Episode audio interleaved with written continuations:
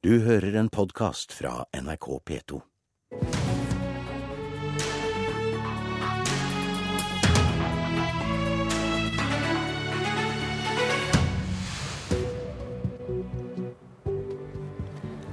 All makt er i denne sal. For Politisk kvarter står i landsmøtesalen der statsministeren åpner Høyres landsmøte om noen timer. Hun har sjøl kalt det Norges viktigste politiske verkstad, fordi det er så kort vei fra vedtak her til gjennomføring av politikk. Hva skal makta i denne salen bli brukt til? Velkommen til Politisk kvarter, statsminister og Høyre-leder Erna Solberg. Takk skal du ha. Landsmøtet samla seg mot et alvorlig internasjonalt bakteppe. Det som ble stående igjen av Ap-leder Støres landsmøtetale, var lovnaden om å ta imot 10 000 syriske flyktninger. Og den siste veka har vi også blitt rysta av flyktningtragediene i Middelhavet. Vil du gjøre Norges respons på utfordringene i Syria og i Middelhavet til et av dine hovedtema når du skal tale til denne salen i dag? Den internasjonale situasjonen kommer til å være en viktig del av min tale i dag. og Da gjelder det både flyktningkatastrofen, det gjelder den sikkerhetspolitiske situasjonen. Eh, fordi at vi, er, eh, vi har mye, altså mye, større uro rundt eh, Norges grenser. Det er mye som har endret seg i løpet av det siste året. Og Da er det naturlig å snakke både om Syria og Irak og om Middelhavet, men også om Russland så kan det se ut som det blir et stortingsflertall for å ta imot 10 000 syraflyktninger. Du har uttrykt din skepsis. Mener du det er ei moralsk feilslutning å gå inn for det? Jeg bruker ikke moral i et sånt spørsmål. Jeg mener det er veldig viktig at vi hjelper. Vi hjelper nå mye mer enn tidligere rundt Syria og Irak, i nærbolandene. Det er behov for mer hjelp også inn i Syria. Eh, og det er selvfølgelig også viktig at vi hjelper folk som er sårbare til å komme. Derfor har vi jo økt kvoteflyktningen i samarbeid med flertallet på Stortinget i høst for dette året. Men du sier at vi kan hjelpe flere ved å gi hjelp i nærområder. Det er et moralsk resonnement. Er da resonnementet om å ta 10 000 hit feil? Nei, altså, og jeg, eh, når, vi tar, når vi tar 2000 kvoteflyktninger i dag, så er det selvfølgelig ikke et moralsk skille på de, på de spørsmålene. Men det er en utfordring at vi ikke klarer å bosette de vi får som asylsøkere inn, raskt nok. Eh, tiden man sitter og venter på asylmottak etter positivt vedtak, øker. For det antallet som, som får opphold nå, er, er, som andel av de som kommer, er større. For det er flere kriser og konflikter.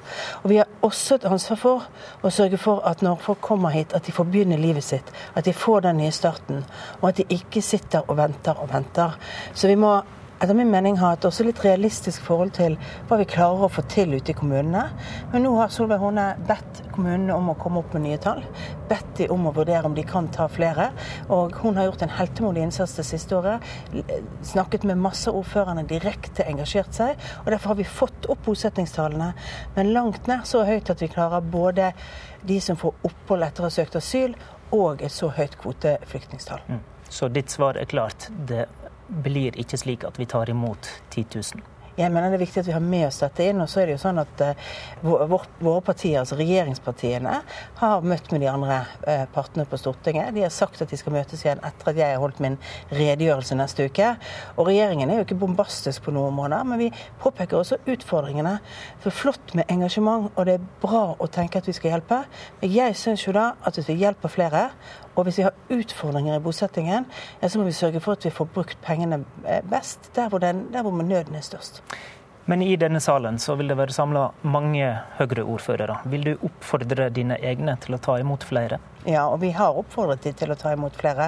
Og det tas imot flere i norske kommuner. Eh, men det er en begrensning. De skal skaffes boliger, de skal skaffes eh, altså, mulighet til å, til å, starte livene sine. Og det, det, er jo en begrensning. Norge er et land som har vokst. Vi vet at vi bygger litt for lite boliger. Eh, og selv om denne regjeringen har økt pengene til kommunenes boligsosiale program, til kjøp av utleieboliger, så har vi ikke kommet langt nok i det. For det bygges ikke nok boliger heller. Så har vi diskutert sist uke hvordan vi kan bidra til å hjelpe flyktninger som drukner i Middelhavet. Mange føler nok på avmakta når de ser mm. de grusomme bildene. Syns du sjøl det er frustrerende å ikke kunne få hjelp mer? Jeg syns det er frustrerende at det tar lang tid å, å få opp hjelp, men, det, men, vi skal ha trente folk. Vi skal skaffe båten, og eh, det tar litt tid. Men vi ligger altså eh, godt an. Eh, det går raskt nå, og vi håper å komme raskt i gang. Vi har en god dialog nå overfor eh, Frontex. Vi har eh, gitt egentlig en åpen invitasjon til de å være i dialog med oss om ytterligere behov de har. Dere sa tidligere i veka at vi skulle sende skip 1.8. Så kom kritikken om at dette var somletempo, bl.a. fra Arbeiderpartiet. Og så var det mulig å sende den før 1.8. Det er feil det du sier. Det vi sa først var 1.8 eller tidligere. Det står i pressemeldingen vi sendte ut. Det står i det jeg sa til NRK. 1.8 var det, da det passet inn. Det var da, da, man manglet en båt i den operasjonen som var. Det var diskusjonen vi hadde før siste helg sammen med Frontex. Da var det de hadde et ekstra behov for, for da hadde de ikke båt lenger. Men vårt vedtak, og det vi har sagt hele tiden fra regjeringens side, 1.8 eller tidligere. Eh, og Det har jeg lyst til å understreke, for det, eh, det er ikke noe nytt at vi nå klarer å få dette, altså det er nytt at vi klarer å få det til tidligere, men regjeringens ambisjon har vært tydelig hele tiden. Vi ønsker å hjelpe så raskt som mulig. Behovet for uh, båthjelp i Middelhavet har en kjent til lenge. Mm. Hvorfor har ikke vi et norsk skip klart der da, når det, det som faktisk er en flyktningsesong starter? For det, det vet vi jo. Det kan, man, det kan, vi godt eh, si at vi skulle vært tidligere ute. Det kan alle, Når krisen står der, så kan alle si at vi burde gjort tidligere. Det burde vært en større operasjon fra EUs side. Vi ja, men altså, Dette er jo en krise en ja, komme hvert år. Ja, og vi har vært i dialog med, eh, og så kunne vi sikkert ha vært tidligere. Vi skifter tema. Eiendomsskatt. I et resolusjonsforslag til landsmøtet ber Høyre-ledelsen om skjerpa kamp mot eiendomsskatten. Eh, men 79 av landets 119 høyrestyrte kommuner har en eller annen form for eiendomsskatt. Hvorfor tror du de opplever det som nødvendig? Det gjør de fordi de har mange gode ønsker om gode ting de ønsker å satse på i sine kommuner. Eh, mange kommuner har eiendomsskatt, og deler av eiendomsskatten vi er for. Jeg har lyst til å understreke at Den største inntekten på eiendomsskatt er den beskatten som faktisk legges på kraftverkene i mange av de små kommunene. Det er der den virkelig store er. Det er en del av det Høyre er for. Det har vært en del av vår kraftverksbeskatning i alle år. Eh, så er det sånn at det å ha eh, eiendomsskatt gjør at kommunene kan få til litt ekstra, gjøre litt mer på de tingene de prioriterer. og Derfor er det selvfølgelig også fristende å bruke skattlegging, eh, og, og det gjør noen. F.eks. når min hjemby nå gjeninnfører eiendomsskatt etter å ikke ha hatt det noen år, så er det bl.a. for å kunne ta et enda større krafttak enn det de alt har gjort, på det å, å sørge for å få oppdatert skolebyggingen i Bergen, og sørge for noen viktige prioriteringer. Kan det at regjeringa reduserer andre skatter være en av grunnene til at kommunene opplever skattesvikt, og dermed må ta i bruk eiendomsskatt? Nei. Vår reduksjon Kategorisk nei. nei det, altså vår reduksjon i skatter bidrar ikke til mindre skatter inn i kommunene. Det kommuneopplegget vi har laget, har vært et godt kommuneopplegg. I hovedtall er det på nivå med det som har vært de siste årene, men det har også fordi at de demografiske utgiftene, altså de automatiske økningene i utgifter er mindre i kommunene, så er det faktisk et større handlingsrom med det vi har. Svikten i skatteinntekter nå kommer pga. lavere aktivitet i norsk økonomi, mindre inntekter inn til kommunene. Og Det har vi jo en diskusjon på nå, som vi også har sagt i Stortinget, om vi må, må gjøre noe annet i revidert nasjonalbudsjett. Vil du styrke overføringene til kommunene, slik at Høyre kommuner kan slippe å kreve inn eiendomsskatt? Vi styrker overføringene til kommunene hvert eneste år. Vi har gitt større handlingsrom i år. Eh, det betyr at kommunene har mulighet til å forbedre kvaliteten. Vi gir mer penger til viktige kjernetjenester i kommunene. Ikke minst har vi satset mer på områder som går på psykisk helse helse, på rus, på skolehelsesøstertjenesten. Mange av de områdene som vi vet Så når ordførere bl.a. i NRK i dag eh, sier at hvis vi skal klare å gå til kamp mot denne eiendomsskatten, så må vi få mer penger fra sentralt hold, da svarer du faktisk ja? Det er mange kommuner som ikke har eiendomsskatt også, som klarer det innenfor disse rammene som er i dag. Men så er det viktig for å si, det er et lokalt spørsmål om vil ha eiendomsskatt eller ikke. Det er en lokal politisk debatt om du vil ha det. At vi har et norm som sier at vi helst bør avskaffe, men iallfall forsøke å begrense helse, det er noe som ligger i en resolusjon om Høyres kommunepolitikk. Og, eh, men det er fortsatt et lokalt valg, og det lokale selvstyret er bra å ha. Og Da er det en god lokal debatt også om man vil ha eiendomsskatt eller ikke. Det samme forslaget fra Høyres arbeidsutvalg som vi snakker om nå, sier at kommunene skal få beholde en større del av lokal verdiskaping. Eh, skal mer av skatten vi betaler gå til kommunen da, eller hva betyr dette? Det betyr at bl.a. en del av eh, selskapsskatten eh, skal eh, tilbakeføres til kommunene. Det ligger i Sundvolden-plattformen. Og så tenker jeg at dette kan bli spennende å høre Jan Tore Sanners tale på lørdag om. Det var en oppfordring til å følge med. Absolutt, med følg med på Høyres landsmøte. Det er viktige saker som skjer her. I valgkampen som dette landsmøtet innleier, og fram mot stortingsvalget i 2017, så vil du ha én hovedmotstander. Arbeiderpartiet og Jonas Gahr Støre. Hvordan vil du karakterisere Støre som politiker? Jeg karakteriserer ikke andre politikere. Jeg mener at uh, Jonas Gahr Støre er, en både hyggelig, dyktig uh, politiker og flink mann. Jeg er politisk uenig med han. Uh, jeg er uenig med mange av de sakene de mener. og vi har noen skiller mellom partiene. og det er det, det er det som er grunnlaget for den politiske debatten, syns jeg, ikke personkarakteristikker mellom hverandre. For noen med politisk hjerte på venstresida mener å registrere at der Høyre tidligere var veldig flinke til å snakke om egen politikk, så ser vi nå en tendens til personkarakteristikker. Har dere forlatt den strategien om å bare snakke om egen politikk? Nei, Vi snakker absolutt mest om egen politikk, men vi blir spurt om de andre sin politikk. Jeg hadde en pressekonferanse hvor jeg ikke sa et ord i utgangspunktet om Arbeiderpartiet.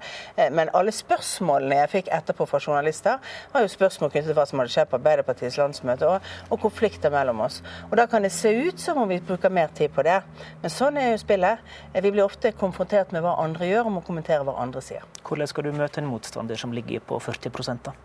Jeg skal møte den med å vise hva vår politikk er. Jeg mener vi leverer veldig gode resultater. Vi sørger for å prioritere de som er svakest innenfor helsevesenet. Vi satser mer på rus. Vi har nå sørget for å få til det løftet på videreutdanning av lærere som gjør at vi får enda bedre lærere som underviser i klasserommet, og at alle elever kommer til i fremtiden å møte elever, eh, lærere med oppdatert kunnskap, med bedre metoder for undervisning. Og Vi setter altså rekorder på disse områdene. Vi gjennomfører det vi sa før valget at var våre viktigste prioriteter. Vi har rekordhøye investeringer i vei, jernbane, kollektivtrafikk. Og jeg tror at de resultatene er viktige, men ikke minst også det vi jobber fremover med. Det at det er vi som um, har de nye løsningene på hvordan vi skal sørge for at velferden sikres. Og det dere også gjør eh, i det bildet, er jo en del større reformer. Eh, men når det er resolusjonsforslag på ditt eget landsmøte som tar til orde for f.eks. å bevare akuttkirurgi ved lokalsykehusene, og som understreker at politireformen må tjene hele landet. Kan det være uttrykk for at regjeringa sine mange reformer kan virke som et sentraliseringsprosjekt, sjøl for Høyre-folk? Nei, men kan, det, viser bare at Høyre er akkurat som alle andre partier når det gjelder at man kan være mest opptatt av ofte eh, hvordan spørsmål og saker ser ut fra sitt synspunkt. Og så er vi opptatt av å fortelle at disse reformene faktisk ikke er sentraliserende. Jeg mener at mange av de reformene regjeringen gjør, styrker tjenesten ute, bidrar til mer desentralisering. For et alternativet for fremtiden ville ikke vært at du hadde dagens struktur, det ville vært at du hadde enda mer desentralisering.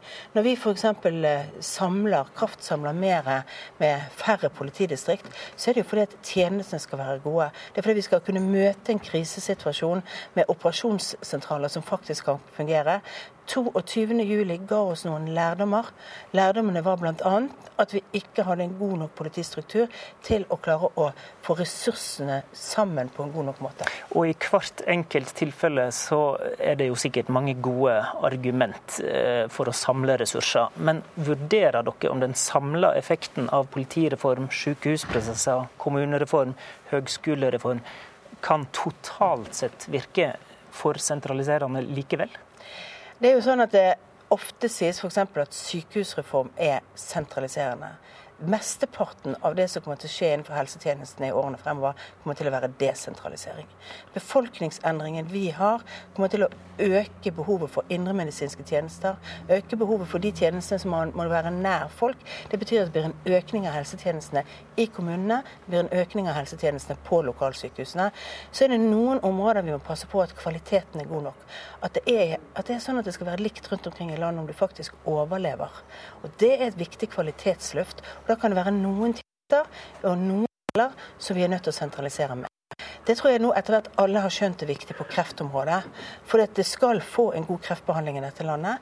Da må du være der hvor det er leger og, eh, og bemanning som faktisk kan se symptomene, kjenner igjen, eh, kjenner igjen, eh, symptomene på et tidlig tidspunkt, men også som behandler raskere, og som har behandlet flere pasienter. Det er ingen sentraliseringsfrykt hos Erna Solberg, med andre ord? Nei, og folk skal være klar over at tjenester de skal være gode alle steder i landet.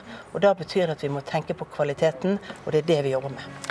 Høyre-leder og statsminister Erna Solberg, takk til deg. Du taler klokka 12.30 i formiddag, og den talen kan du få med deg ved å følge med på NRK. I studio i denne sendinga var Håvard Grønli. Du har hørt en podkast fra NRK P2.